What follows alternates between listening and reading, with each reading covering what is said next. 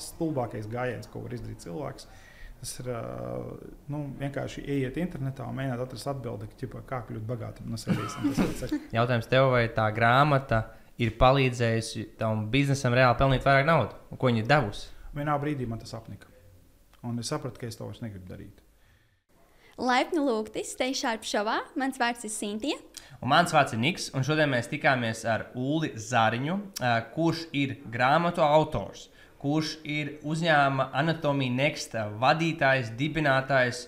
Un Uldim ir arī uzņēmumi, kuru kopējais apgrozījums ir pārsniedzis vairāk nekā 1 miljonu eiro gadā.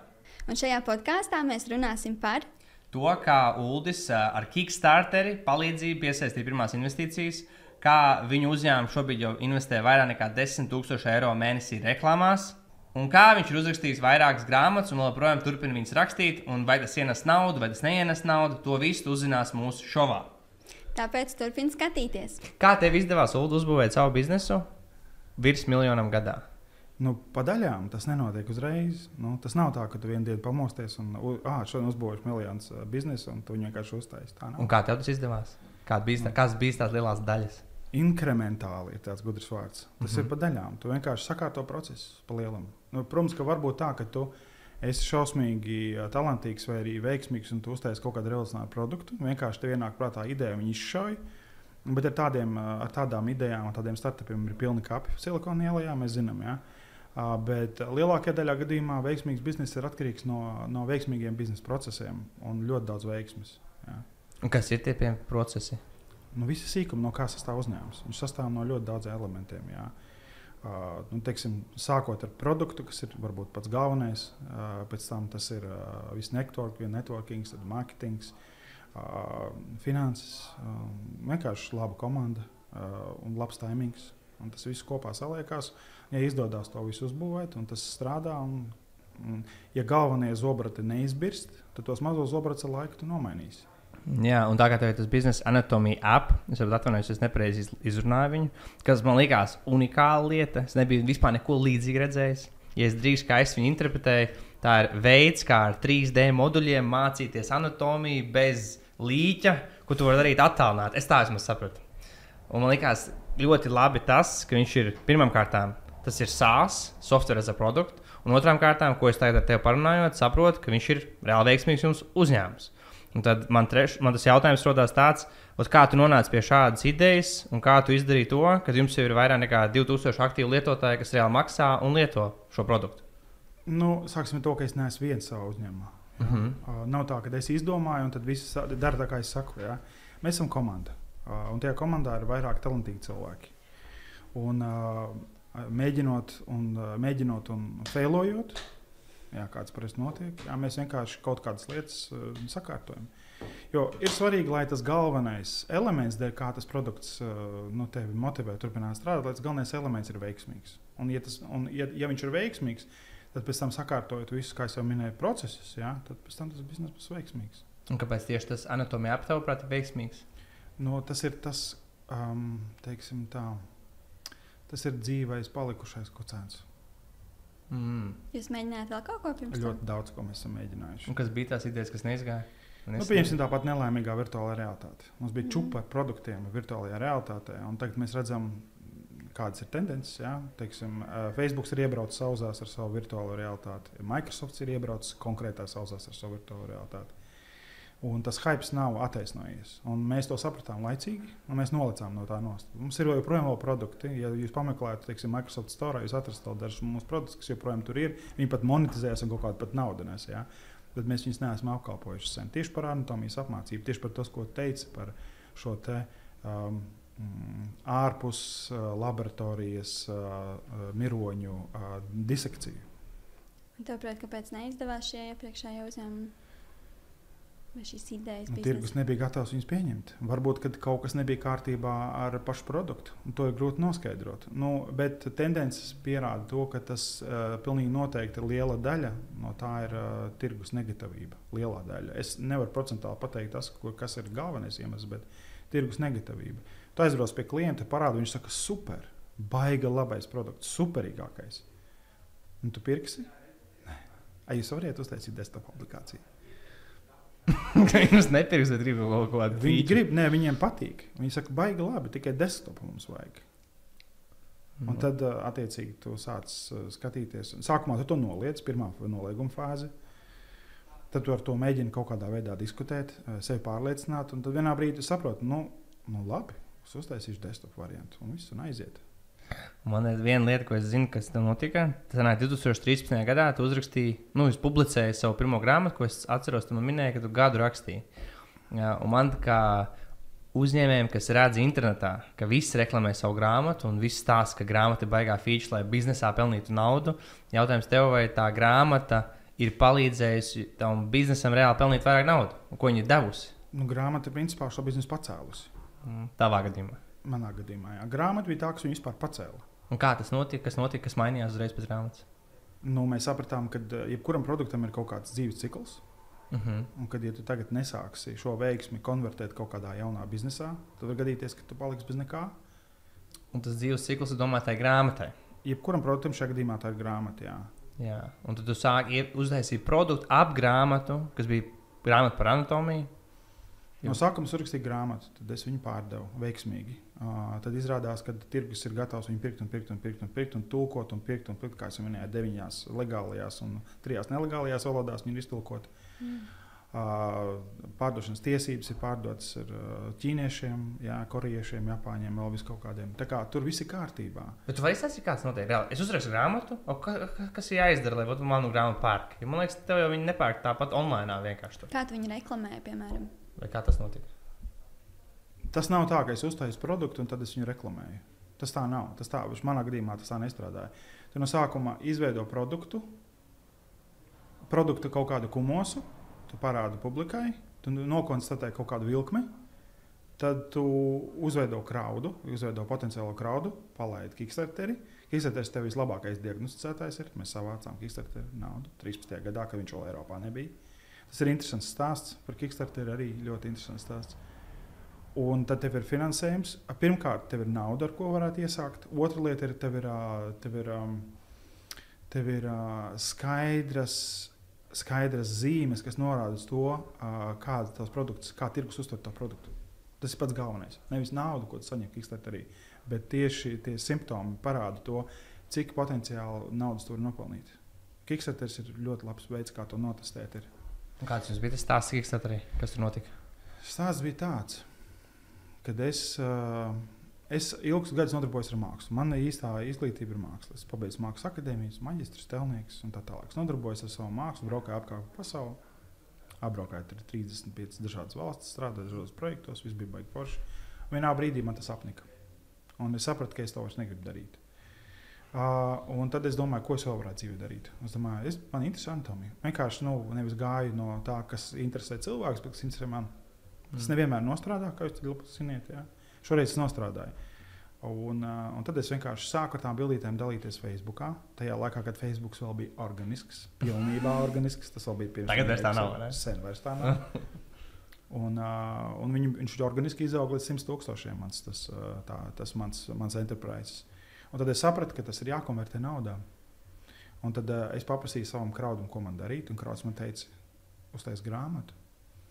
Es teicu, varbūt aplikācija, tas bija tas laiks, kad modē bija aplikācija. Es teicu, neuztais grāmatu, un es paklausīju kraudu par laimi. Kas ir krauts? Nu, man tā, mans tas pūlis, kas bija Ā. gatavs no manis pirkt produktu. Pūlis. Okay. Un tad es, tad es pūlim prasīju, kur es dabūšu naudu, lai es savu grāmatu. Viņš teica, uh, ir tāda kā Kickstarters. Viņš bija tikko parādījies vēl tajā laikā, un par viņu sāku runāt. Un tad um, es sapratu, ka nē, kad, uh, es to nevaru, tāpēc ka es apskatījos internetā, ka Kickstarters nav Latvijā. Viņš pat nav Lielbritānijā. Ja? Uh, un tad uh, Pūlis teica, ka uh, varbūt ka tu varētu kaut kādā veidā legalizēties Amerikā un no Amerikas to palaist. Un, uh, es teicu, ka nu, tas ir pārāk liels čakars, es to negribu darīt. Un mēs satikāmies projektā kopā ar manu kolēģi Sandi. Un Sandis bija tikko zaļo kartu dabūjis. Mēs viesnīcā pie aizkariem tajā pašā vakarā uzfilmējām video, un nākamajā rītā mēs palaidām kampaņu. Viss ļoti vienkārši. Tas gan ir ātri. Es zinu, ka citi taisa, vai piemēram, draugs Arts Daugins, kas ir kartingiem, viņš ir taisījis kaut mēnesi to nu, kampaņu, nu, crowdfunding un šis te viss. Visas, jo mēs vēl divas kampaņas taisījām, abas Mm. mm. divas veiksmīgas. Jā, pēdējā bija 70,000 savācām. Tā Mm. kā uh, kampaņas pieredze mums ir katra nākamā kampaņa ir uh, profesionālāka, ilgāka, masīvāka un ar lielāku garantiju. Mums ir viena neveiksmīga kampaņa arī. Tas ir atsevišķs stāsts, bet trīs veiksmīgas kampaņas. Un, uh, tas ir vēl viens pierādījums tam, ka uh, Kickstarter kampaņa ir labs, ļoti labs veids, kā notestēt uh, produktu teiksim, potenciālu. Un man liekas, daudziem varētu rasties jautājums, piemēram, man vismaz radās šāds jautājums. Es esmu saticis daudz māksliniekus. Un man liekas, mākslinieki, es teiktu, un neapvainojieties, ja jūs esat mākslinieki, bet uh, ir viena no grūtākajām profesijām, no kurām kļūt par uzņēmēju. Un tad man jautājums, kas tavuprāt ir tās lietas, ko, vai tavs īpašības vai raksturīpašības, kas tev nu, vat, ir acīm redzot palīdzējis savā komandā, palīdzējis izveidot produktu, palīdzējis kaut ko izdarīt ar Kickstarter, mārketinga ziņā, lai pārdot, arī pārdošanu. Un Kas tev atšķir no citiem? Jo citiem, man liekas, Es nezinu, droši vien citi varētu labāk pateikt, kas man atšķiras no citiem. Man grūti pateikt. Um, es, es varu izstāstīt to stāstu. Tas, es nevienam īstenībā nestāstīju, tas būs ekskluzīvs. Jā, go. nestāstīšu. Sen sen atpakaļ um, es sapratu, ka māksla pati par sevi viņa ir neauglīga. Viņai ir vajadzīgs kaut kāds, uh, kaut kāds uh, nu, mm, kaut kāds elements, kas viņu padara auglīgu. Un tie ir parasti galeristi vai producenti vai nu, kaut kādi cilvēki, kas nodarbojas ar pārdošanu, kas nodarbojas ar, ar, um, ar šīs tavas produkcijas, šajā gadījumā mākslas produkcijas pārdošanu. Ja? Uh, mākslinieki bieži nenovērtē to. Viņam liekas, uztaisīšu superīgu produktu, klients atnāks. Jā, jā. Jā, tā ir klasiskā. Tas nav tikai māksliniekiem raksturīgs, visiem tas ir raksturīgs. Un, un, un, es, un man bija pāris tādas epizodes, kas man parādīja dzīvē, un atcita ar seju pret dubļiem, un atcita un parādīja, ka tas tā nav. Kad, kad, kad tev varbūt nu, tas, tas, ir, tas ir stāsts vēl 10, 15 gadus iepriekš. Kad es mēģināju vienu savu kursu darbu pārdot, mācījos lietas, es saku, tas stāsts sākās senāk, mācījos lietas. Un mēs uztaisījām kursu darbu. Katrs bija kaut kāds, es neatceros, tas bija sen, tas bija kaut kāds 90. gadu pats sākums. Bija jāuztais uh, kaut kāds kursu darbs, dzīvnieks no drātīm. Tas Rīgas tiešām mākslinieks vidusskola tajā laikā bija. Tagad tā vairs tā skola neeksistē. Viņa tagad saucās Rīgas dizaina koledža kaut kas tāds. Nu, nav svarīgi. Es teiktu, ka es biju jauns vēl un sprāns. Un to kursu darbu es gribēju pārdot. Es, es, domā, es izdomāju, ka tas mans kursu darbs ir superīgs un es viņu gribēju pārdot. Uh, un tad es apstājos, ka maniem kursabiedriem bija vēl labāki darbi. Un es iedomājos, ka es varētu viņa darbus, viņa bija kursabiedriem, tāda Kristīna, uh, un uh, viņai bija vēl superīgāks darbs nekā man. Un uh, es izdomāju, ka mums vajag uztaisīt balīti. Es teicu, ka, lai mēs varētu savākt balītē naudu, mums vajag pārdot darbus. Es viņai teicu, Kristīna, vai tu man iedos savu darbu, es viņu pārdošu. Um, es neko vairāk dzīvē, neko tādu līdzīgu neesmu darījis. Tas bija kaut kāds absolūts kreisī pasākums. Un tad es to uh, Kristīnas zīvi pagāju, vienkārši aizgāju uz vecrīgu un vienkārši gāju iekšā dažādos biznesos un vienkārši piedāvāju pārdot. Kas bija superīgākais darbs. Un par kaut kādām smieklīgām naudaiņām es piedāvāju. Es vienkārši gāju iekšā restorānā, es teicu, kur jums ir restorāna direktors, gāju klāt, kur jums vajag. Ja? Arī zivju restorāns vecrīgā, par cik tā bija zivs tāda no drātiem uzpīt. Uh, tad tas bija vēl pāris vēl biznesa, kas bija saistīts ar zivīm. Es gāju vienkārši iekšā un vienkārši uzrunāju, nu, tāds kolds cēlis, pilnīgākais. Uh, un viss man atšuva. Viss man atšuva. Un bija vēl, es atceros, un vienīgi viss successfulākais bija ķīniešu restorāns kaut kāds vecrīgā tajos laikos, bija uz Māsterļielas. Un uh, es satiku to, to galveno to direktoru. Un, uh, viņš teica, viņš teica ienāc pie manas kabinetā, mēs ienācām, mēs apsēdāmies. Viņš tā pastījās, viņš ir baigi labā zies. Viņš ir baigi labā. Tu vari uztaisīt skorpionu, tad es nopirkšu no tevis. Un tad es sapratu, ka kaut kas nav kārtībā ar to, ko es daru. Kad uh, lieta nav tajā, ka produkts tiešām labs. Uh, es sapratu, ka, ka tas, kā es viņu pasniedzu, ir nepareizi. Kad es neesmu pārdevējs, tad tiešām es sapratu, ka manā biznesā pietrūkst viens svarīgs elements, tā ir pārdošana. Un tad es sapratu, ka produkts pats par sevi neatrisina problēmu. Kad ir vajadzīga pārdošana, nu, lūk, tad mēs atgriežamies jau pārbraucam vēl 20 gadus uz priekšu. Un, uh, tad uh, es nodarbojos ar mākslu, un es visu laiku šos jautājumus uzdevu. Es ik pa laikam saskāros ar to, ka es sapratu, ka lietas sevi nepārdodas. Ar ļoti retiem izņēmumiem. Ar ļoti retiem izņēmumiem. Un tad es, um, protams, paprasīju Google. Kā, nu, tas ir absolūti tipveida, tāds stulbākais gājiens, ko var izdarīt cilvēks. Tas ir uh, nu, vienkārši ieiet internetā un mēģināt atrast atbildi, ķipa, kā kļūt bagātam no sevis. Uh, jo parasti uzraujas uz kaut kādiem laimes pārdevējiem, kas tev vienkārši pārdod laimi. Un viņu galvenais mērķis ir pārdot produktu, nevis iemācīt to kaut ko. Jā, tas ir pilnīgi normāli. Viņš ir pārdevējs. Protams, viņš pārdod savu produktu, kas ir pilnīgi loģiski.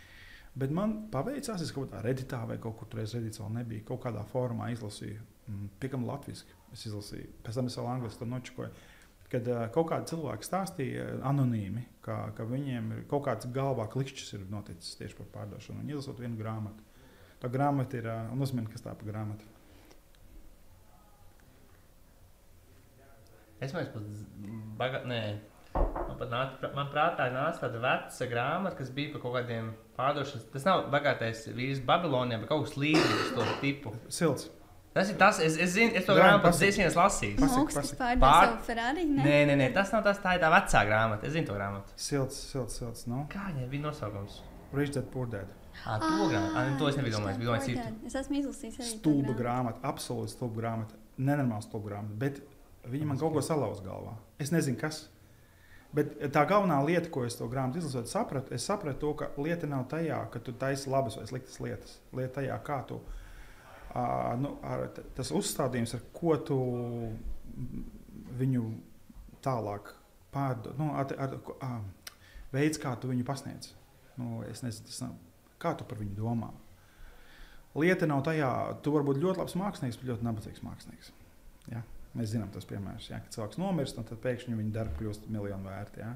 Vai arī muzikants, kurš saraksta, saraksta skaņdarbu un tad beigās uzliek uz uh, jūrmālas dzelzceļa sliedēm, un pēc tam izrādās tas ir uh, vesels nācijas viens no galvenajiem klasiskiem skaņdarbiem.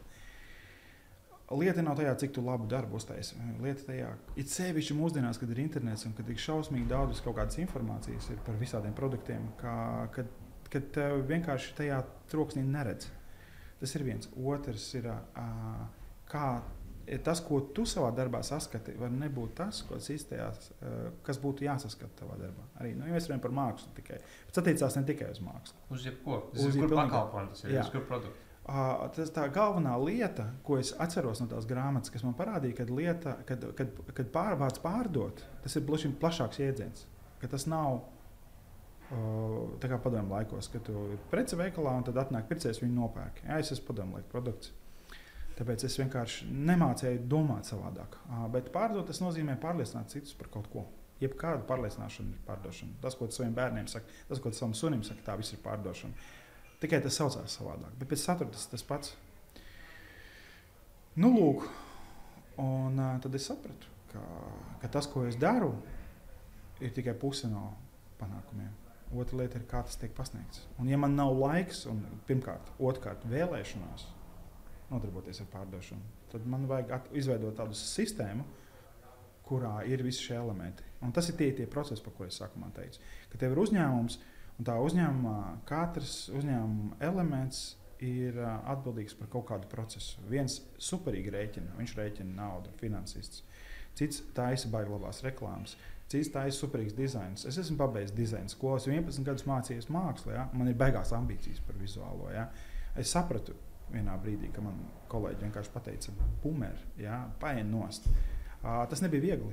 Uh, saprast, ka uh, vienkārši nu, darbs atlīdz pēc Adama Smita. Vienkārši, nu, kas ir darba dalības. Vienkārši katrs dara savu lietu, un tad es sapratu to spēku, kas, kas ir komandai.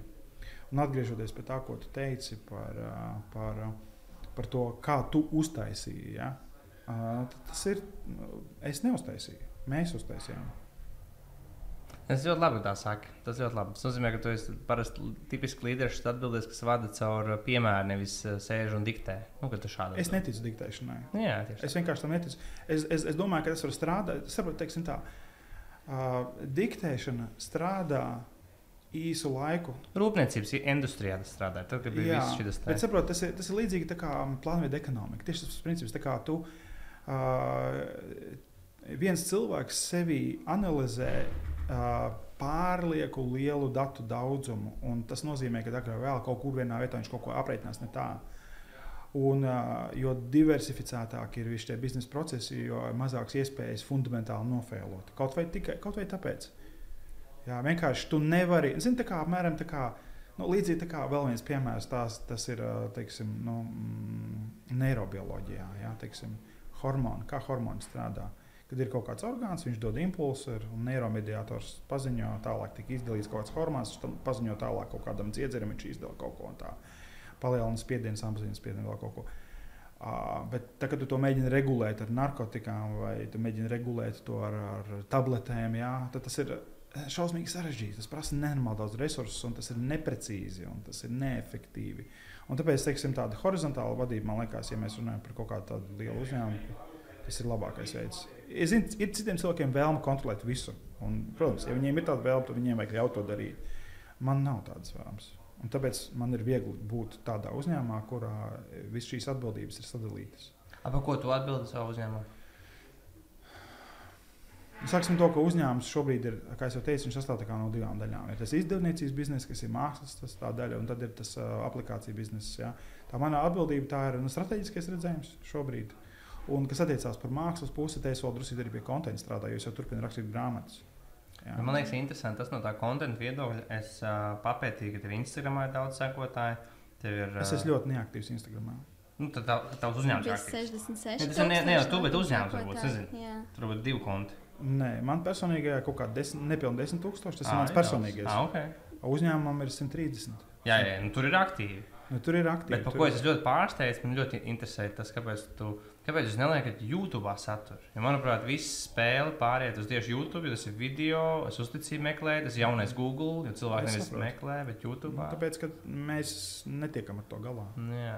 Tāpēc, ka mēs esam mēģinājuši, esam outsourcot šo kontekstu veidošanu, un viss atdurās par to, ka uh, ir jābūt baigai ekspertīzē par to. Tev tas jādara.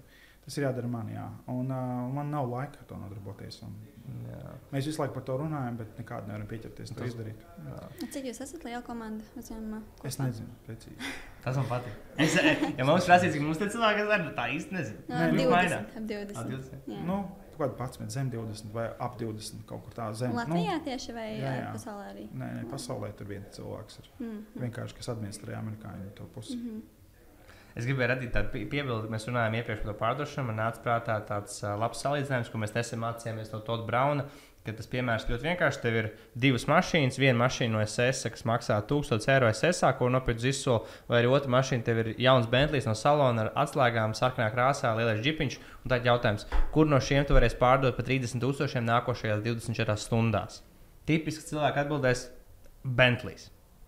Un tad ir tas jautājums, kāpēc? Un tad man nāk prātā, kā cilvēks redz to, ko tu pārdod. Un tādā kā jautājums, kā mēs varam radīt vērtību tam, ko mēs pārdodam, lai cilvēks redzētu mūsu produktu pakalpojumu kā to Bentliju par tikai 30 tūkstošiem. Kas ir arī tik lēti, nu, piemēram, ja? piemēram, kaut kā viņš ir nobraucis ar 10 km. Un tad, kas rada to vērtību, vienkāršais variants, lai citi, kas klausās, var to uztvert, četras lietas. Pirmā lieta, kas ir pats pats, pats svarīgākais, ir rezultāts iegūms. Pats, ko tu dabūsi ārā. Otrā lieta, tad jau ir tas produkts pakalpojums. Kā piemērs arī tev, es par tevi domāju uzreiz par anatomiju apu. Rezultāts, ko iegūsi, tev būs viegls, ērts veids, kā apgūt, apgūt anatomiju, lai tu varētu pabeigt eksāmenus. Produkts mums ir software, kur tu varēsi redzēt funkcionāli, kā tas izskatās, patīt, palikt šitā tā. Un tad trešā lieta, kas varētu būt kaut kādi bonusi, ieguvumi papildu, un ceturtā lieta ir kaut kādas garantijas. Un, ja to var iepīt visu iekšā, tādā veidā ir īpaši pakalpojumi. Manā, mums, mums tas ir pakalpojumu biznesa, tad mēs varam radīt vērtību. Nu, to es gribēju tā ie, ie, iestiprināt iekšā. Un tad man nāca lielais, liels tāds jautājums. Kas tavam biznesam, kas ir tieši aplikācijas biznesa, notika, kad notika Covid? Ja man liekas, tev tur viss uzsprāga, bet es interesē, kas notika tev. Covid laikā mēs viņu launčojām. Ah, tieši tad. Tad mēs viņu tieši ah, launčojām. Timings ar labs. Uh, timings labs, jā, bet uh, nu, nu, tas bija labs laiks, lai, lai uzsāktu. Jā. Tad mums bija labs B2B uh, sarunas. Mums parādījās labs B2B klients ar Michiganas Universitāti, kur mēs taisījām visu dent dentālu sadaļu. Uh, jā, tas ir labs laiks. Tas mums bija labs laiks. Un tev, kā piemēram, daudziem cilvēkiem, kas skatās, vismaz, man, man arī interesē ļoti software, SaaS kā biznesa modelis. Un arī citiem arī interesē, kādas biznesa modeļus tur sākt. Tur e-komercija, tur Amazon, tur uh, agency, tur uh, SaaS. Kā, kā, tieši kāds tavs biznesa, kā viņš strādā? Jo es zinu, ka tev ir bezmaksas izmēģinājums, tev ir mēneša maksa, gada maksa, un tad, kad es ieeju mājaslapā, man izlaiž pop-ups. Es jau dabūju 40% atlaidi gada maksai, atstāju e-pastu, dabūsi ziņu. Un kā tas notiek? Un kā, var izstāstīt to matemātiku? Jo es zinu arī, ka tu šitādas ļoti skaistas, tie, kas var redzēt, skaistas reklāmas slaidas, mēs uzliksim šeit, lai jūs varat redzēt. Iet reklāmas daudz internetā, es pieļauju, metā, googlē, vis kaut kur, un tu vari tērēt diezgan daudz naudas. Vai tu vari padalīties, cik daudz un kādi tie cipari izstāsta no tā no malas, lai kādam liekas, tas viņš redz? Vairāk desmit tūkstoši. Tiek tērēts reklāmās. Mēnesī? Mēnesī. Un kāda ir tā atdeve, ko viņi pērk? Nu, Mēta tagad ir sačakarējusies. Kas ir mainījies? Nu, kaut kas ar algoritmiem tur viņiem nav kārtībā. Mēta tagad reāli sako. Ā, Kas attiecās par pārējiem, viss kārtībā strādā, bet meta tagad ir sarežģīta. Diezgan slikta atdeve metē ir. Es tā sapratu. Un kāds tas process jums ir? Restīvi, tas cilvēks iet uz mājaslapu, un viņš uzreiz jūs gribat, lai viņš pērk to produktu, kas ir abonements vai mēneša vai gada, un pēc tam jūs kaut ko vēl pārdodat, vai tur arī viss beidzās? Kā tas notiek? Jūs redzējāt, ka ir mūža ab Nu, abonements. Tagad. Nē, nu, ja viņš nopērk mēneša abonementu, tad viņš katru mēnesi viņam maksā. Tad viņš maksā. Tie ir tie 2,5 2000 aktīvie lietotāji. Jā, jā. Un pēc tam jūs kaut ko vēl pārdodiet. Jūs pieļaujat, varbūt Šobrīd, grūti. nē, šobrīd Nē. mēs viņiem pārdodam tikai to konkrēto subscription. Un, uh, jo redziet, ar to anatomijas izglītību ir tā. Tā nav kaut kāda lieta, kas tev vajadzīga mūžam. Ja, ja tu Mhm. esi medicīnas students, pamatā tu to mācīsies pirmajā kursā. Pirmais, otrais kurs, tas ir tad, kad tev ir vajadzīga viņa. Un pēc tam tev viņa vairs nav vajadzīga. Un kur tur redz lielāku potenciālu tieši uz to B2C, kas būtu studenti, B2C. mākslinieki. Bet B2B tur varētu licenci pārdot uz abonementu. Visu programmu. Mēs arī pārdodam. Kādi ir piemēri, kādās cenās ir? Ā, Redzi, tagad ir izsludināti šausmīgi tie B2B klienti. Vienkārši ir tik daudz tie B2C produkti parādījušies, kad. ā, Līdzīgi jums? Nu, nē, vispār cilvēki ir pieraduši maksāt maz par B2C produktiem. Un tad, ja piemēram, tu atnāk B2B klients, kurš saka, "A, tu vari man uztaisīt uh, piedāvājumu uz B2B. Un tad viņš ir referents galvā tur to B2C. Un tad viņam nekādu beigo kosmosu tāpat piedāvāt nevar. Līdz ar to mums labāk ir, vai, labāk ir 10,000 B2C klienti nekā viens B2B klients. Mm. Bet Mhm. ar, ir izņēmumi. Teiksim, tas pats B2B, ja ir labs B2B klients, viņš, uh, viņš tev palīdz, mm, palīdz uzlabot produktu. Tāpēc, ka, To atgriezīsimies uz saiti. ne? i- jā, nu viņš, viņš principā tev pasaka, kas industrijai ir vajadzīgs. Viņš ir, ja ar B2C klientu nevar sakarā ar visu to GDPR lietu tur neko baigi apspriest par to, ko viņš grib, ko viņš negrib, kā viņš lieto tā, bet ar B2B klientu to var darīt. Tur viņam var prasīt, kas ir vajadzīgs, kas nav vajadzīgs. Un, uh, viņiem ir kaut kādas pasniegšanas prakses. Un iedomājieties, ja tu esi piemēram universitātes anatomijas pasniedzējs, tev ir kaut kāds kurikulums, ja tu esi pieredzējis pie viņa. Tas ir kaut kāds industrijas standarts iespējams. Jā. Un tad tajā brīdī, kad viņš ierauga internetā kaut ko, kas atgādina to, kādā veidā viņš māca, viņš to saviem studentiem iesaka. Un viņš ir galvenais mūsu aģents. Mm. Viņš pasaka, un viņš ir labāks aģents nekā B2C aģents, tāpēc ka viņš ir autoritāte. Tāpēc, ka viņš ir credibility, tāpēc, ka neviens negrib iemācīties nepareizi anatomiju. Iedomājieties, ja tu sagatavojies eksāmenu nepareizi, tev ir tikai viena iespēja. Tu izlido no tās skolas, visu tavu dzīvi beigusies. Jā, nu es tā, protams, Tas labi, redziet, tas ir tā kā, mēs esam vajag to instrumentu, lai neizlidotu. zini, tā Nē, kā nu, tāpēc tev vajag būt tev. pārliecinātam par to, kur tu to informāciju saņem. Un, ja ir tev kaut kāds cilvēks industrijā, tas pasniedzējs, kurš pēc tam tev vērtēs, viņš piemēram pasakā, es jums ieteiktu lietot šo avotu. Brīnišķīgi. Tas ir galvenais mums, uh, mūsu pārdevējs. Bet man ir tā problēma, nāk, es pazīstu tādu mā, māri, māri, kam ir sup. Es negribu pateikt nepareizi, bet um, restīvi viņam ir arī produkts līdzīgs kā tev, tad tā sās, soft, soft sās, bet viņam ir problēma tāda, ka dzīves cikla vērtība, ko noteikti zināt, kas ir LTV, uh, ir mazs. Viņš ir kā 150 dolāri, 160 dolāri, un tad tā problēma ir, kā mēs varam paredzami iegūt klientu, nezaudējot naudu. Jo tu vari iedomāties, tu jau zini ļoti labi, cik mēta maksā. Tas nav tur pabeigts. Lifetime value mums ir labs. Ir labs. Jā, ļoti labs. Es tā sapratu no maniem cilvēkiem. es saku, es, es neesmu mārketinga speciālists. Es, man nav pretenzijas par to. Es apmēram zinu, kā kas strādā. Es apmēram zinu, kas ir tas, uh, kam pievērst uzmanību. Jā. Jā. Bet cik es saprotu, lifetime value ir labs. Ja cilvēks apskrējo, un, un kas ir interesanti, kas ir jauns atklājums mums, kas ir tāds, uh, nezinu, varbūt nevajadzētu to nevienam stāstīt. Sapratu to, ka, ka kad, nu, kaut kādi 25% no visiem mūsu klientiem vispār nav saistīti ar medicīnu vai ar izglītību. Tik daudz. Jā, Ļoti 25%. Tas, ir, tas nozīmē, ka tas tirgus ir ļoti interesants. Tur ir, Viņi jau grib apgūt to. viņiem vienkārši interesē. tēma, viņi ir gatavi par to maksāt katru mēnesi, lai no tā mācītos. Tas ir ļoti interesanti. Tas ir Forši atrast kaut ko Tas tādu. tā kā es kas mākslinieks eksperts. cilvēku. Pārdusmas eksperts, tad tieši kā es. Mhm. Smadzenes kā strādā, plaušas kā strādā. Jā, Man arī tas interesē. Es arī labprāt gribētu Bet paskatīties. viena lieta ir, vairāk. man tas interesē. Es esmu labprāt gatavs noskatīties kādu interesantu video. Otra lieta ir ņemt aplikāciju un soli pa solim metodiski mācīties. Un maksāt. Un maksāt. Vissvarīgākais ir tas punkts Jā, maksāt. un tas bija tas, ko nevarēja paredzēt neviens uh, sākumā, kad mēs ar produktu taisījām. Jā, mēs konkrēti zinājām, kas ir tirgus, mēs uz viņu orientējāmies, bet es ierādu, ka tirgus ir kaut kur blakām. Jā, tas nav. Protams, ka tas ir liels tirgus. Medicīnas students ir tomēr galvenais klients, bet ir vēl pilns ar visādiem citiem potenciāliem klientiem. Nu, jā, jau redzēt, reklāmās ir daudz par medicīnas studentiem, bet citur vienkārši ir interaktīvs veids, kā apgūt anatomiju. Okay. A, un kā? Man vienkārši ir prātā tas, kas daudziem mūsu klientiem, mūsu cilvēkiem, ar ko mēs nu, nezinu, izglītojam vai dalāmies, mums ir bezmaksas kursi, maksas kursi, maksas programmas, maksas atbalsts. Kā tev rekur... man ir, man ir bijuši daudz klientu, kuriem ot, iet, viņiem arī ir online produkts, ne, ne nav sāls, bet online produkts, viņi investē tur tūkstoši, uztaisīja piecus, un viņiem ir korķis galvā sāk tērēt vairāk.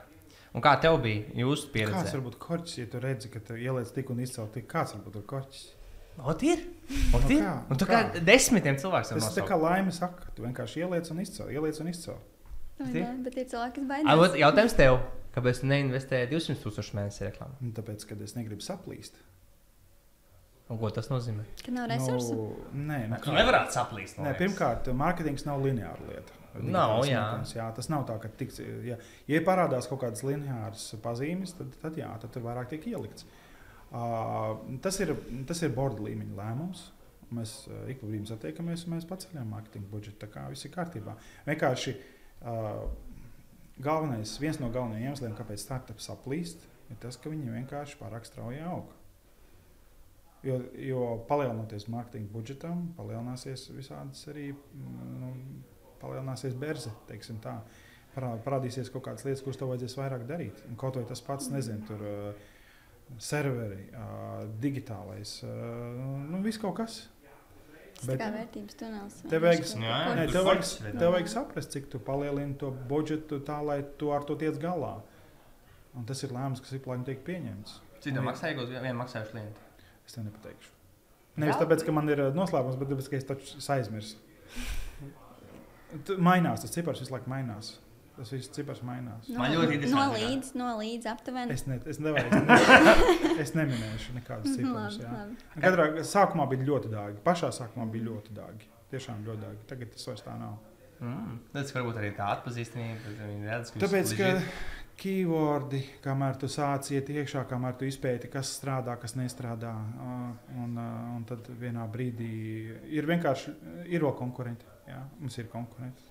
Kā vispār bija ar uh, konkurentiem pašā sākumā, kad jūs uzsākāt? Nebija nedaudz tā kā varbūt bail kaut kā, kad uh, neizsitīsieties uh, citu cilvēku tādā. Bija No- kāds pirms jums, vai tas labāk jau bija, bija kāds pirms jums? Nu, nav, redzi, nav tieši tāda tieši produkta, kā mums nav. Ir līdzīgi produkti, respektīvi, ir viens produkts, kuram ir, pieņemsim, medicīnas apmācība online, un ir produkts, kuram ir 3D apmācība, bet offline. Bet nav neviena 3D, ā, 3D apmācība online. Respektīvi, mēs apvienojam šīs divas lietas. Ja? Kā ir atsevišķi produkti, kuros šie didaktiskās metodes un šis informācijas dizains ir, bet viņš ir dažādos produktos. Mēs esam kaut ko no tā visa apvienojuši, un uzlikuši, izveidojuši vienu. Kāpēc es to jautāju? Ir daudz cilvēku, kuri, piemēram, baidās vispār uzsākt savus biznesus tikai tāpēc, ka ir tie konkurenti vai ir kāds, kas dara to pašu, vai, piemēram, tieši ar apiem, no softveriem tādiem, kad arī. Dusmas. Dusmas. Nevis bailes, bet dusmas. Un iedomājieties, ja kāds dara kaut ko tādu, ko tu vari izdarīt labāk, un uh, tev ir dusmas, nevis bailes no viņa. Tu vienkārši esi atnācis viņu sašķēdīt. un viss. Viņš ir liels, un tu ar viņu cīnies tik ilgi, kamēr viņu uzvari. Nu, viss. Un ir, ir, ir visādi konkurenti. Ir, ir, ir, ir arī tādi tuvāki konkurenti, tiksim, tādi ar mums bijuši saistīti. Jā, un visādas tur ir personīgās kaut kādas lietas, un ir, ir niknums. Interesanti. Jā. Tā kā no vienas puses, protams, tu baigi nevajag aizrauties ar emocijām, bet no otras puses tas ir diezgan spēcīgs instruments. Ne? Mēs Tu varam labāk. izdarīt vairāk. Mēs varam labāk to izdarīt. Uh, Jā, ar dusmām. Dusma tas ir spēcīgs instruments. Kaut kādi hormoni ir vajadzīgi, lai kaut ko sasniegtu. Bez hormoniem nevar. Un, uh, kas attiecās par konkurentiem, nu, tur ir redzi.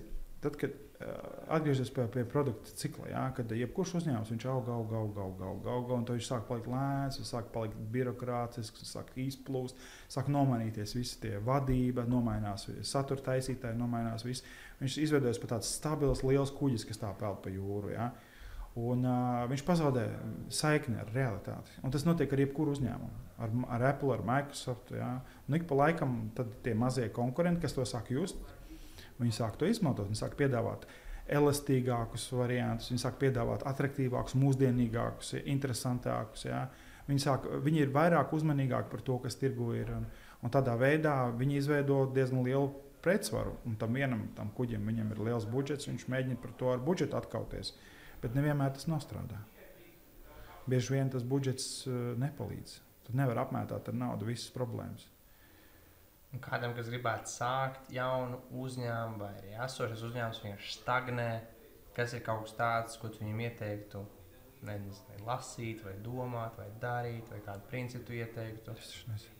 Katram kaut kādas savas problēmas. Stagnējam. Atkarībā no kādā ziņā mēs arī pa brīdim stagnējam. Mēs ar to arī karojam, cīnāmies. Mēģinām no tā stagnācijas kļūt ārā ar dažādiem produktiem, ar dažādām kaut kādām kustībām, telpām. Jo man, es no tevis atdzirdēju to, kas man uzreiz rezonēja, kad ir arī saistībā, saistībā ar to drāzu zivi, kad ir, nu, kad ir vienkārši jādara. Man tas liekas, tas Jā, ir nē, redzi, uh, tas, tas ir tas, ir, tas, tas stulbais vecais novalkātais par to komforta zonu. Es nezinu, man ir iebjās visi šie klišejas, jā, bet, bet tas tā diemžēl ir. Ja tu, ja tu dzīvo kaut kādā sev ērtā pasaulē, jā, tad tu pazaudē saikni ar, ar, ar, ar to, kas notiek apkārt. Un, uh, tas, ko es pēdējā laikā baigi labi sapratu, kad uh, komforta zona nav patīkama vieta komforta zona, tā ir pierasta vieta. Mm, tā ir tā galvenā atšķirība. Cilvēkiem domā, ka komforta zona tā ir vieta, kur tev ir patīkami. Nē, ļoti daudz cilvēku dzīvo komforta zonā, viņi cieš, viņiem ir grūti, viņi cieš. Un tas galvenais uh, iemesls, kāpēc tā ir komforta zona, tāpēc, ka ir vēl diskomfortāk no tā iziet ārā. Viņi, viņi ir gatavi dzīvot nožēlojumu dzīvi, Uh, tas attiecās pilnīgi uz visiem cilvēkiem, uz maniem attiecās. Ja, mēs esam gatavi neko nemainīt, mēs esam gatavi ciest, neko nemainīt.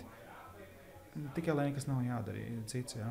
Un tad ir uh, visādi brīnišķīgi instrumenti, kā piemēram krīze, ja, konkurenti, kas mums palīdz piecelties un iet kaut ko darīt.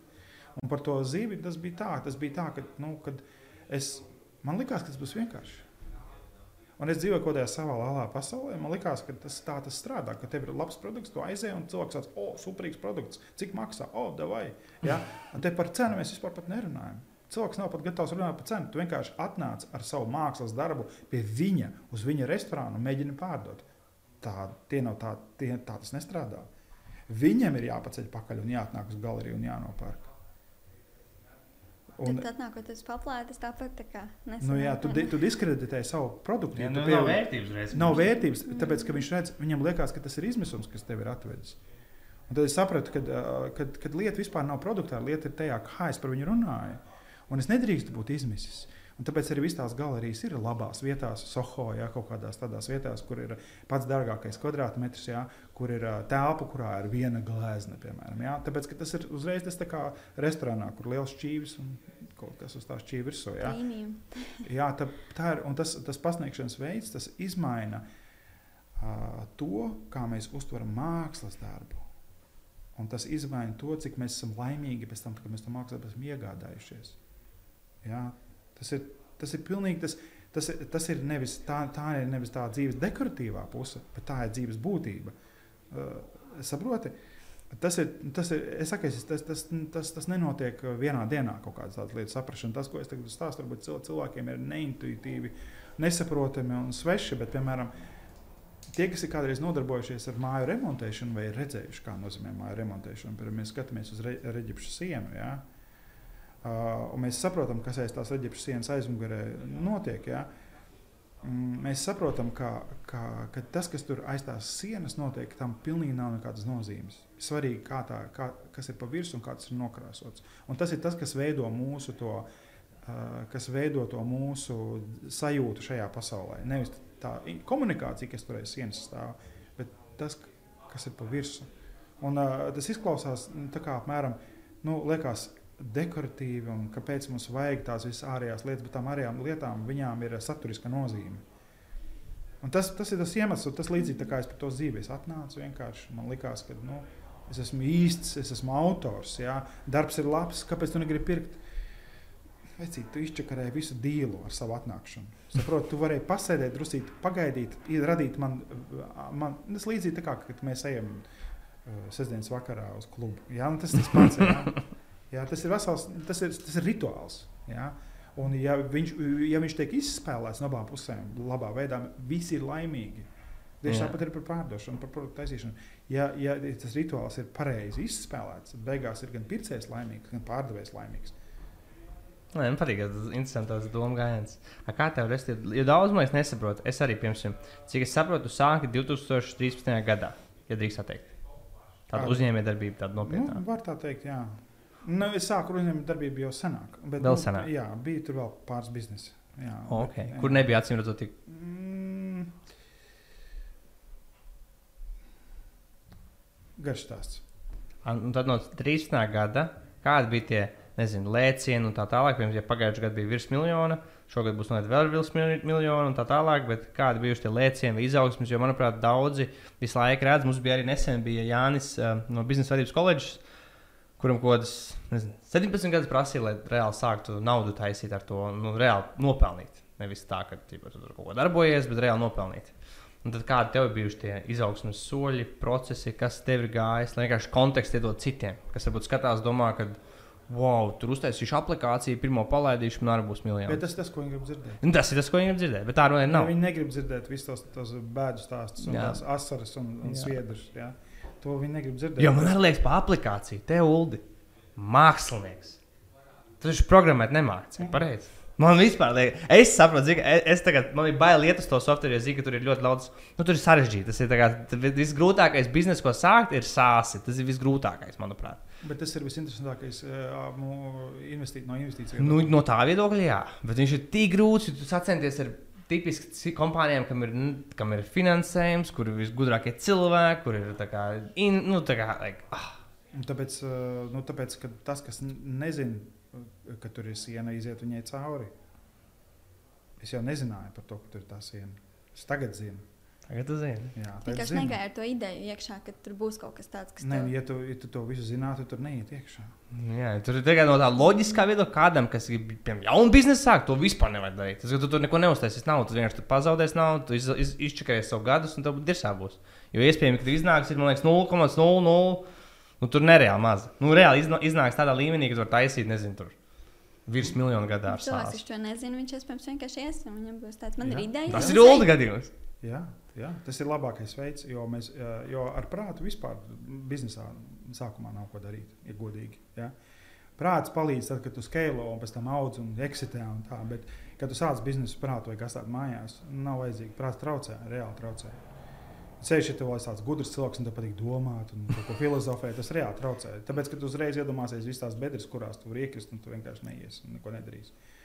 Tāpēc es saku, pēdējā intervijā, kas bija ar, ar, ar, ar Maska kungu, man ļoti patīkās. Tā kā viņam prasīja Ah, tas tas par to, ka ir AI un visas tās lietas, ko jūs ieteiktu jauniešiem un bērniem. Tad izskatās, ka nekādai izglītībai vairs nav nozīmes. Viss tagad darīs automašīnas, un roboti un, un il, i, algoritmi un tā tālāk.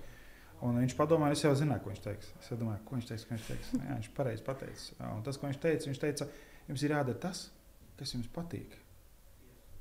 Es, tas, tas ir, man liekas, tik triviāli, bet pašā laikā, ja tu dari kaut ko tādu, kas tev nepatīk, bet tev ir, tu to dari tāpēc, ka tas ir vajadzīgs, ja? un kā tu vari iziet caur tai, caur tai nāves ielai cauri? Tu viņai neizies cauri. Kas ir bijuši lielākie tā kā tavu nāves gadījumi? tik tumši tur ir bijis. Tik tumši un tik vientuļi. Jā, jā, jā.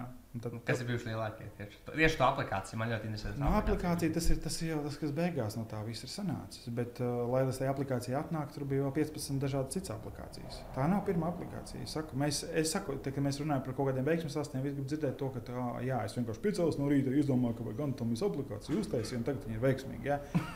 Visi uzreiz, o, es arī gribu. Jā. Tas ir tas, ko cilvēki grib pirkt. Bet realitātē tā nav. Realitātē tā, tu uztaisīji aplikāciju, tev liekas, tā ir pati labākā aplikācija pasaulē, tu iegūti viņā miljonus, atnāc uz tirgu un tirgu tādu mē. Un Tad tu uztaisīji nākamo, un tev katru reizi ir jāpieceļās. Pēc tam katrai citiem tev ir jāpieceļās. Tu piecelies, nopurinies un atkal uz priekšu. Nu, labā ziņa ir tāda, ja tu no tā iepriekšējā vari kaut ko paņemt, un no tā var uzlipināt kaut ko jaunu. Var gadīties, ka tev pilnīgi viss no jauna ir jāsāk. Nu, tā kā tas ir garš stāsts. Tāda ticība sev visu laiku. Ne tikai es, saku, es, es atgriezīšos pie tā, ka ir komanda. Jā, Mm. iet vienam, vienam būtu kurš grūti finansē jūs gadījumā to komandu? Mēs paši Tur vajag naudu. Nevar jau tā prosti taisīt aplikācijas, bija- izmest aplikācijas. Jā, jā nē, nu, sākumā bija investīcijas. Jā, tajā 17. gadā mēs, mēs piesaistām investīcijas. Cik daudz jūs piesaistījāt investīcijās? Kaut pusmiljonu. Sākumā. Jā, tas jau nav daudz. Mēs arī aizņēmāmies naudu, mēs joprojām maksājam kredītus. Uh, bet, uh, bet, bet, bet pēc tam mēs pašfinansējāmies. Tikai pašfinansējāmies. Mums tā izdevniecības laika taisīja naudu, mēs visu laiku tikai eksperimentējām tur un šur un tur. Un šur. Tas arī ir grūti. Ka tu vienkārši dedzini naudu, tu vienkārši iemet un viņa sadeg. Tu tikko esi nopelnījis daudz naudas, un tu viņu tā iemet, viņa vienkārši sadeg. Un izrādās, eh, atkal netrāpīja. un tā ir bijis ļoti daudz, un tā ir bijis ļoti daudz. A, kur jūs tagad metat naudu? Vai tā ir netaisa jauns produkts, vai tikai uz tiem, kas ir? Nu, mēs strādājam, es strādāju pie jaunas grāmatas, ceturtās jau. Un tur būs aizies. Bet nu, galvenokārt, jā, aplikācija turpina. Mēs viņu pie viņa strādājam. Kontents. Tur ir ļoti daudz, ļoti daudz ko darīt. Kontents, kontents pārdošana, mārketings. Un kāds ir plāns ar to biznesu, kas ir tieši aplikācija? Jo grāmatām tur jau tu esi tu, tu esi tur tur cilvēks raksta. Exits. Mm. Plāns. Tāds plāns. Jā. Apzināti plāns. Nu, pēdējā laikā, jā, uz to mēs ejam. Kas ir vajadzīgs, lai tas būtu? Vai kurā, kurā brīdī jūs sapratīsiet, ok, mēs tad varam iet meklēt cilvēkus, kas gribētu nopirkt šo? Es nezinu. Nu, mēs šobrīd uh, apsveram, mēs uh, vingrinamies, drilojam to lietu. Sapratīs vēlāk. Jā. Nu, tur, tur var būt miljonus dažādu scenāriju. Sākot ar to, ka vienkārši kāds lielāks uzņēmums nopērk, kas ir saistīts ar to lietu. Kas, piemēram, ar lielāko mūsu konkurentu notika 3D for Medical, kas ir lielākais mūsu konkurents, kur ir, kurš teica, ka viņi ir offline. Viņi dara to pašu, ko mēs tikai offline, mēs darām to online. Uh, tikpat labi tas var būt strateģiskais investors kaut kāds VC. A, ko tu darīsi, ja nopirksi to uzņēmumu? Tev būs daudz cash un ko tālāk. Kad nopirks, tev redzēs, investēs kaut kur atkal. Taisīs nākošo. Nu, jā. Pareizi. Es varu gribēju jautāt tādu jautājumu. Um, tu teici sākumā, ka tu mēģināji iet arī virtuālajā realitātē. Tur Mēs nevis mēģinājām, mēs tur bijām. bijām. Diezgan bijāt. bijām, Man vienkārši tā vīzija, es gribēju jautāt, kāda ir tā nākotnes vīzija, piemēram, tieši šai aplikācijai. Jo es kaut kā redzu, ka viņi vi- tieši virtuālajā realitātē varētu ļoti attīstīties. Tas, ka cilvēks var redzēt to visu un piedzīvot to varbūt kaut kā pat sev priekšā. Nu, kā, tas, kā es to redzu, Ļoti labi. Uh, ļoti labi. Mm. Izcerēs tā, ka cilvēki tev pasaka, un tu nedzirdi, ko viņi tev pasaka. Piemēram, mēs ar savu mm, produktu aizgājām virtuālo uz, mm, uz anatomijas histoloģijas katedru RSO pie Pilmanas kundzes. Mēs tur pičojām, pičojām, viņi tā klausījās, klausījās, klausījās, un tad viņi teica, Klausieties, tā, kad jums būs tā, ka es tā pienāku pie galda un uz galda levitē tas objekts, un es viņu varu tā pagrozīt, tad nākat pie manis. Tas tā kā Ironmanā. Tas tā kā Ironmanā. Un tad es sapratu, ka Kosmos. mēs, diemžēl, prasakām, jums to nevaram piedāvāt, jo tāda tehnoloģija neeksistē. Viņi saka, ko jūs atnācāt? Šito uz sejas nelikšu virsū. Tas tā kā Ironmanā. Jā, bet, bet tas, uh, un, nu, nu, jā, man nav neko piedāvāt, neko atņemt. Tas nenozīmē, protams, tas nenozīmē, ka es atnākšu ar tādu tehnoloģiju, ka viņi uzreiz viņu nopirks. Jā, tas arī Tad atkal teiks, "A, kāpēc nav tur tā, ka var just, var just jā. to levitāciju. Jā, jā, tāpēc, ka ir, ir atšķirības starp, uh, ir, uh, ir starp, starp reālu vajadzību un starp vienkārši objection. Ja? Mēs to zinām, mārketingā pārdošanā arī. Tas bija iespējams objektions, bet tas bija objektions, kurš man lika aizdomāties. Un es vienkārši mēģinu saprast, kas ir tā galvenā problēma. Galvenā problēma ir tas, ka uh, virtuālā realitāte paredz ļoti daudz visādas papildus lietas, kas tev ir vajadzīgas. Un, tā, tas, tas, tas benefits, ko tu iegūsti, lietojot virtuālo realitāti, ir mazāks nekā tas, tās, tas apgrūtinājums, kas tev ir jāpanes, dīlojot ar visām tām daudzajām lietām. Un tā ir tā galvenā atšķirība. Tas ir kā, kad tu ej pirkt kaut ko. Ja tu savu naudu, kas ir tavā rokā, novērtē mazāk nekā tā prece, ko tu gribi nopirkt, tad ir iespējams transakcija. Un tieši tāpat arī, arī ar virtuālo realitāti, jebkuru tehnoloģiju. Tad, kad tas iegūms būs lielāks nekā tas, tas, tas, tas, tas ko tu tajā iedosi, ja, tad tā tehnoloģija strādās. Un tā kā piemēram, mēs skatāmies to pašu, nezinu, nu, tie paši PC, ja, mājas kompjuteri, kā viņi sākās. Viņi sākās ar Excel. Vienkārši kaut kādi grāmatveži saprata, ka tas ir dilbrēkers, kad viņiem, ka viņiem viņi var atvērt uz ekrāna un salikt visus skaitļus un dabūt beigās pēc formulas rezultātu. Un, principā, ja nebūtu Excel, tad arī nebūtu varbūt arī Microsoft un nebūtu Apple. Nekā nebūtu. Ja? Un Tāds kaut kāds tāds kā sīkums, bet tas sīkums salauž to. Un Tagad joprojām nav tāda faktora, kas to salauzt. Un Attiecībā par metu attiecībā par uh, virtuālo realitāti, attiecībā par Microsoft HoloLens. Nu, netiek pāri. Man pazīstams cilvēks strādāja, viņš vadīja departamentu, mm, tieši R&D departamentu Microsoftā, kas uh, viņš bija viens no īstenībā mūsu uzņēmuma līdzdibinātājiem. Pēc tam viņš cik Microsoft dabūja beigo piedāvājumu, viņš mums aizgāja. Viņš ir viens no co-founderiem. Un viņš vadīja departamentu, kas strādā pie HoloLens izstrādes. Tas vesels departaments, kur strādā tieši ar virtuāli sintētiskiem cilvēkiem. Respektīvi, kad tu kamerā ieliec savu seju, viņš apskatās uz tevi, noskanē un uzlipina virsū uz 3D mešu un uztaisa tādu tā kā avatāru, kurš runā un atrodas virtuālā realitātē. Nevis tā kā tas ir uh, attiecīgi tam mūsu šitam te Zuckerbergam, bet, bet realistisks. Un viņi strādāja pie tāda astoņus gadus, jā, vai deviņus gadus strādāja pie tā. Un pirms trīs mēnešiem to projektu likvidēja. Es domāju, ka Microsoft principā padevās attiecībā par virtuālo realitāti. Tas lielā mērā. Vesels departaments tika likvidēts. Un tur ir tādas izstrādes. Un tagad sakarā ar, virtu, ar to artificial intelligence ir visādi startupi, kas principā lielā mērā tas, ko viņi bija izstrādājuši, principā padara bezjēdzīgu. Nu, tā jūs savā biznesā, piemēram, to, kas tāds ir pieejams, kas ir tas chat GPT, viss šis AI, jūs šo arī izmantojat, ne? nu, tikai tik daudz, cik mēs izmantojam mm, klientu komunikāciju, nu, kas ir uh, komunikācija ar klientiem. Tādā veidā tikai Kā jā. Jā, jā. chat, chat Jā, mēs izmantojam chatbotus. Nu, bet Mhm. mēs neizmantojam tiešā veidā, mēs nē, bet mēs chatbotu izmantojam, lai ģenerētu kaut kādas, uh, lai dīlotu ar situācijām. Mm. Bišķiņi, bet nu, ne, ne, mēs neesam saslēgušies vēl. Tie čati viņi nav vēl tik avansēti, lai tu varētu viņu pilnīgi palaist uh, pasaulē vienu. Jā, Jā. tu viņu palaidīsi, viņš tur ziepes sataisīs. Tā, tā gluži vēl nevar. Bet Es skatījos nesen video, kur viņi stāstīja, kā Google, ka viņiem jau ir instrumenti, kur tu vienkārši vari zvanīt un runāt ar to robotu. Viņš arī Mhm. atbild, viņš ieklausās, viņš saprot, sniedz atbildes, un man tas likās, oh, my God. Vēl mēs tik tā neesam. Jā. Bet tas būs tāds vienkārši revolūcija tajā visā pārdošanā. Jā, es vēl pat ne, es nevaru iedomāties, kā tas izmainīs pasauli. Tāpēc nu, mēs tā kā mēģinām tā kā elpot līdz tam visam, bet uh, es, ja godīgi, nesaprotu. Uh, citi ir atkal baigi skeptiskie. Saka, ka, ka baigais hype, baigais hype, bet nu, nekāds baigais tur, kā saka, tur mm, kaut kāds kvantu lēciens nebūs. Jā. Nezinu, kam ticēt. Nu, katrā gadījumā ir jātur rokas pulss, jābūt gatavam, jo izglītību tas izmainīs kategoriski. Un, ja mēs esam izglītības biznesā, Un tam mums ir baigi jātur acis vaļā. Un kāpēc tā saki?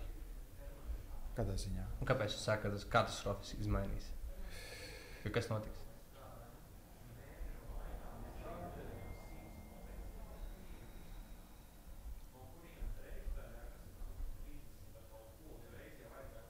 Es nevaru to pateikt. Tas ir vairāk tā kā apmēram tā, ka, hmm, kā lai to pasaka, sanāk tā, ka, uh, kad pirms Google, pirms Google uh, informācijas monopols bija universitātēm. Google atņēma informācijas uh, monopolu augstākajām mācību iestādēm. Viņām viņas vairs nav. Augstākās mācību iestādes principā savu autoritāti ir pazaudējušas sen. Viņas to vēl nav sapratušas. Ne, es jau pastāstīju reāli keisu no dzīves. Reāls keis, atgriežoties pie tā, ko teicu par, par, par Mhm. YouTube, par, par jauno laiku. Es biju kursos par, kursos par, par agile. Zini, kas ir agile? Mm -hmm. Tas ir menedžmenta sistēma. Jā. Kā projekts līdz galam. Divas dienas kursus es gāju, divas, divas pilnas dienas nosēdēju tajā agile tajos kursos. Viņas, man liekas, Microsoft organizēja. Baigi interesanti, tur bija kaut kādas vēl, tur bija grupu darbs un kas tur ko tur. Un pašās beigās tā kursa organizētāja uzlika video no YouTube uh, Agile in Nutshell in 5 minutes. Es noskatījos un es sapratu, ka es no tā video ieguvu vairāk nekā no tām divām dienām. Un es domāju, ka ar šo situāciju saskarās skolnieki, ar šo situāciju saskarās studenti. Un, uh, tad, kad viņi iet uz universitāti, viņi īstenībā līdz galam nevar atbildēt uz jautājumu, kāpēc es tur eju. Un tāpēc tas atbild, atbild uz to jautājumu par to, ka izglītība izmainīs uh, AI. Šis ir ļoti interesanti, ka es gribu piebilst. Mums arī bija viena klienta, kur teica, ka uh, viņa noskatoties trīs nedēļas no mūsu kursa, ir iegūusi vairāk nekā viņa iemācījās četrus gadus universitātē. Un Tas kā piemērs, ko cilvēks saka, tā kā, kā Un, tā ir? man liekas, tā izglītības joma vairāk pāriet uz to, ka izglītības iestādes būs vairāk, lai to informāciju vienkārši palīdzētu pielietot praktiski. Piemēram, ja tu esi mākslinieks, palīdzēt tev skulptūras veidot praktiski dzīvē. kā Tāpēc ej uz vairāk. Jā. Es nezinu, Tā šobrīd man liekas, jā. Nu, Tas tas, ko es redzu, ir. Es nezinu. Es, es pieļauju, ka uh, universitātes varētu kļūt par certifikācijas kantoriem. Jā, es, nu, tu esi, es vienkārši tu pie viņiem atnācu pēc tā sava mājas darba. Ja? Parādu, ko tu esi iemācījies, un viņi uzliek zīmē un pasakā, jā, šis džeks ir uh, valid. Ja? Uh, certifikācijas iesaistās. Protams, ka tas nenotiks uzreiz, tas nenotiks overnight. Paies, jo viņi joprojām tur to monopolu un vēl paies daudz gadu, kamēr tas notiks. Bet katrā gadījumā tas, tas um, uh, Covid ļoti labi parādīja, kad, uh, kad uh, cilvēki līdz galam īsti nesaprot, par ko viņi maksā. Un tāda situācija nevar turpināties bezgal, bezgalīgi. Jā. Jo Covid laikā beigās apmēram pasniedzējs ierakstīja video, aizsūtīja tev. Tu mājās viņu noskaties, un pēc tam padomā, apakšā kā mums pēc tam ir jābrauc. Kāpēc tu nevari uztaisīt YouTube kanālu un vienkārši visu pasniegt tur? Kāpēc es vispār uz to universitātei? Un Harvardā es maksāju tur tos savus, nezinu, 7000 pa semestri. Priekškam? Kāpēc? Kāpēc nevar uztaisīt kaut kādus kursus vienkārši? Tāpēc, ka Harvard tas nav par mācīšanos. Harvard tas ir par statusu, tas ir par komunikāciju, par attiecībām un tā tālāk. Tas ir cits, pilnīgi cita tipa produkts. Un tāpēc arī bieži vien cilvēki nesaprot. Un tas ir ļoti labs piemērs ar to pašu Rīgas pirmo gimnāziju, ja, kad, kad ir diskusija par to, kā par skolu, bet tā nav skola. Tas ir cits produkts, pilnīgi cits produkts. Un izglītība tā ir. Ceļš, elitāra izglītība tā ir pilnīgi cita lieta. Un to visdrīzāk neaizvietos AI. Bet, kas attiecās uz basic izglītību, uz K12, tas ir 12 klases izglītība vai uz kaut kādu koledžas izglītību, pilnīgi mierīgi. Tā arī saucās K12. K12 Amerikā saucās. Jā. Jā. Tas ir nu, kā, tas, uh, vidusskolas līmenis. Okay. Okay. Ja mēs vienkārši taisām produktu, un tad mēs skatāmies, cik mēs ļoti varam noderēt arī viņiem. Tāpēc, ka tur ir tas uh, fiška tāda, ja tu pabeidz vidusskolu Amerikā, vidusskolas programmu, tu maksimums, ko tu vari dabūt, tas var dabūt 100%. 100% ir nepietiekami, lai iestātos labā skolā. Tev vajag vairāk kā 100%. Lai tu varētu dabūt vairāk kā 100%, tev vajag ņemt koledžas kursu vidusskolas laikā. Un tas ir tas, ko principā, mēs varētu piedāvāt. Varbūt es par to domāju. Varbūt tas varētu būt tas, kādā veidā mēs varētu tajā K12 ielausties. Nāca prātā par to sāstu, atpakaļ uz to biznesa pusi vairāk. Uh, kas ir tāds sāslots, ko tu skaties tāds wow? Man uzreiz nāk prātā, salīdzinot tevi ar headspace, man uzreiz tas nāk prātā. Tas ir par meditāciju, tev atkal par anatomiju. Ir kaut kas tāds, ko tu pats skaties, kad tas wow. Vai tu redzi, domā, oh, nu, man liekas, mūzikas, uh, nu, mūzika, man liekas, ir ģeniāls bizness. Spotify, tas, uh, Jā, Spotify. Spotify. Man liekas, ģeniāls. Tas ir diezgan dokumentāls filmas, viņiem, kā viņi radīja. Tur izrādās, tas nav tik vienkārši tā izdarīt to, ka tā dziesma skan tik ātri. Nē, tev vajag uh, to kritisko masu dabūt. Tev vajag, nu, tas ir, nu, tas ir fantastisks bizness. Jo galvenais, tas, kas man patīk visiem tiem subscription biznesiem, ka viņi totāli disrupto marketu. Absolūti iznīcina visu to veco domāšanu par kasetēm, par labeliem. Uh, par to, kam pieder tiesības, kādā veidā tiek pelnīts. Un tā, un tad, ja skatos mākslinieku, es tagad negribu aizvainot nevienu muzi muzikantu, skatos mākslinieku, bet skatos mākslinieks, nu, ja viņš grib nopelnīt, principā viņam ir jāpieceļās, jāuzkāp uz skatuves un jādzied. Jā? Un, uh, viņš vairs nevar kā kādreiz ierakstīt kaseti un dzīvot laimīgs. Un man kā mūzikas patērētājam tas ir iegūms. Bet, mm. E, mūzikas e, veidotāji varētu man nepiekrist. Bet kas man liekas interesanti ar šo? Nu, piemēram, Spotify revolucionēja mūziku.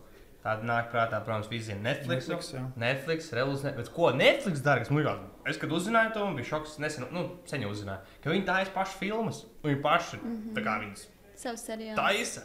Visi tā taisa. Un tad es uzzināju, cik Netflix maksā lai ieliktu jaunas filmas. Es biju Forum Cinema, un viņi man stāstīja, cik Netflix apmēram varētu būt, ka viņi maksā par kaut kādu vecu, vecu filmu, lai ieliktu kā jauno trendu. Tur tie cipari ir miljonos. Par to, lai tikai būtu tiesības, viņi ielikt savā streaming platformā. Jo es biju Amerikā, un ko es pamanīju? Amerikā uz tām tur, uz tām nu, pa lieliem standiem reklamējās liekas, divas vai trīs lietas. Pirmā lieta - reklamējās juristi. Tur ir tik daudz reklāmas juristiem, ka nevar iedomāties. Un otrā lieta - reklamējās šīs streaming platformas. Un trešā lieta varbūt bija kaut kāds nu, filmas, tas pats streamings. Tas arī viss. Un tas man liekas interesanti. Nu jā, medicīnas pakalpojumi arī. Tas ir labi. Estētiskā medicīna. Estētiskā, jā, jā, estētiskā medicīna. Tas ir tas pats, ka cilvēki nemaksās 10 eiro sporta zālē, bet maksās 10 kā, lai sataisītu savu tauku atsūkšanu. Ne tikai tauku atsūkšanu, tagad ir uh, injectables, tagad ir baigā tēma. Kas tas ir? Nu, kad tu uzskalp to savu seju ar, ar dažādām injekcijām. Nu, tas ir uh, viens no manas otrās grāmatas galvenajiem klientiem. Tie ir uh, injekti ārsti, tie ir plastiskie ķirurģi ārsti, kas pērk manu grāmatu. Mm. Kas vēl viens paradoks, kā mākslinieks esmu uzrakstījis uh, industrijai, industrijas standartu priekš, priekš ārstiem. A, cik ir grūti uzrakstīt grāmatu? Cik grūti? Grūti. Un cik uh, stundas? Nu, cik tu vēl? Nu, jā. Pirmā grāmata, nu, pirmā grāmata jau pateikt tā, tur es pārstrādāju konkrēti. Pirmā grāmata es taisīju, tas bija gandrīz gads, un bija 15, 17 stundas dienā. Un tu tikai raksti grāmatu, jā? Nu, tu strādā pie grāmatas, pie grāmatas konta. Nu, man ir viņas vil, vizuāli, tas pamatā ir tās ilustrācijas, ļoti minimāli teksts. Otrajā ir vairāk teksta, trešajā vēl vairāk teksta. Sanāks palielina tekstu daudzam, kas ir kā māksliniekiem nepārāk patīk. Jā, runājot par injektabliem, tas sanāk tā, ka ir cilvēka seja, un cilvēka sejā ir āda, un Mhm. mhm. cilvēka sejā ir kauli un muskuļi. Un starp visiem kauliem un muskuļiem āda ir telpas, un tajās telpās ir tauki. Un tad, kad cilvēks sāk novecot, tad, tad āda sāk palikt, uh, zaudē savu elastību, viņa sāk šļukt nost, un tās telpas, kurās kādreiz bija tauki, viņas atbrīvojās. Un viņi, tas ir vēl viens iemesls, kāpēc tā struktūra izjūga. Un tad ir uh, špricis un ir tādi speciāli sintētiski šķidrumi, kurus tajās telpās iespricē, tu tā kā to seju atpakaļ saliec. Tas bija tik labi izskaidrots. Es uzreiz sapratu, kāds notiek. Tas bija ļoti labs. Tāpēc ir raksts grāmatas ļoti labi. Jo āda paliek plānāka. Tad, kad paliek āda plānāka, viņa uzguļās virsū kauliem un parāda kaulu struktūru arī. Un, ja tu viņai apakšā uzšpicē, tad viņa pacēla atpakaļ. un Kaulu vairs nav redzama. Un, ko tu saki? Ja, ja tas, kaut- tas nav veselīgi. Tas ir veselīgi, nav veselīgi. Kas ir noticis? Striktākais. Nu, es nezinu, ja, ja tavs mēģinājums dzīvot veselīgi, droši vien tas nav pareizais virziens. Okay. Ja tu gribi labi izstīties, tad ir ok. Bet, uh, nu, redzi, labs izskats, tas jau nav tikai izskats, tas izmaina. Kā tu jūties? Jā, tas izmaina Visu. visu. Nu, davai, pēdējās lietas. Kas uzvarēs hokeja? Latvija vai Zviedrija? Es taču nezinu. Tas nekas. Latvija vai Zviedrija. Pūs, tas ir ceturtais fināls. Latvijas- Pirms Latvijas 13 vai 12 gadiem mēs esam tikuši ceturtajā finālā. Man ir jāgaso tagad. Jā, Jā, tā jau jā, jāpasaka skors, jo šito mēs filmējam tagad pirms spēles, bet nu, publicēsim pēc spēles. Mhm. Nu, 3-1 Zviedrijas labā. Okay. Top grāmata, ko tu nezini, esi pats lasījis, vai, nu, nu, nu protams, es pats lasīju, bet ko tu iesaki citiem? Viena. Vienu. J. Curve. Bet kā viņa saucās? Neatceros. Tas ir autors vai? Nē, Autors. Grāmatas nosaukums. Mm. Ah, grāmatas nosaukums. Jā, Kā viņa sauc? J. J. Curve. J. Kurve. Curve. Ok. Droši vien pilns nosaukums ir savādāks, bet, nu, Nu, atradīs, Google atradīs pēc tā. Uh, mīļākais restorāns Rīgā. Mēģinājums restorāns Rīgā. Tagad ir viens, viena pizzerija. Es nezinu, kā viņa saucās. Pizzerija parādīsies uz Baronielas. Baigi garšīgas pizzas pretīm Leļu teātrim. Ah, pretī Liela teātrī. Baigi garšīgās pizzas. Nezinu, ne- nepateikšu, kā saucās. Mm. Mīļākais deserts. Mīgais deserts. Tiramisu. Mans mīļākais. Respekt. Kāds sports? Sports, peldēšana. Ok. Salds vai Es cigārs? neizskatos pēc, ā, pēc sportistas. Ja es esmu sportists, esmu ļoti uzjūs. Ok. Salds vai cigārs? Es nesmēķēju. Bet jāizvēlas. Kurš viņam? Cigārs. Cigārs, ne? Jā. O, Es nāku no pajautāšu. Um, augsts vai karsts? Man tas ir Augsts. domāts tā, ka vai nu tu, piemēram, gribi iet ā, karstā dušā vai iekāpt tāliņģī. Ko tu izvēlētos? Augsts. Augsts, jā. Mm, forši. Un uh, cilvēks, kurš ir ietekmējis visvairāk tavu izaugsmu tavā dzīves laikā, varbūt ir kāds, ko, kas nāk prātā pirmais.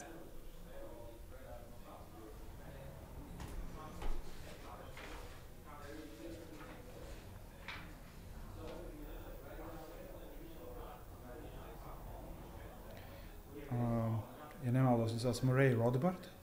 Kaut kā tā. Rodbarts. Murray Rodbart. Kas viņš ir? Ja nemaldos, Austrijas skolas uh, ekonomists. Droši vien tas nav galvenais ietekmētājs, ja padomāt būtu vēl, bet, nu, es tā patinu atpakaļ, tad viņš tā diezgan spēcīgi ietekmēja mani. Viņam bija lekcijas kaut kādas, uh, ja nemaldos, ir kaut kur var atrast Spotify vai kaut kur. Hmm. Cool. Paldies. Nu, teiksim, Dolu, paldies. Lūdzu. Stilīgi. Stay sharp. Stay sharp. Jā? Cool.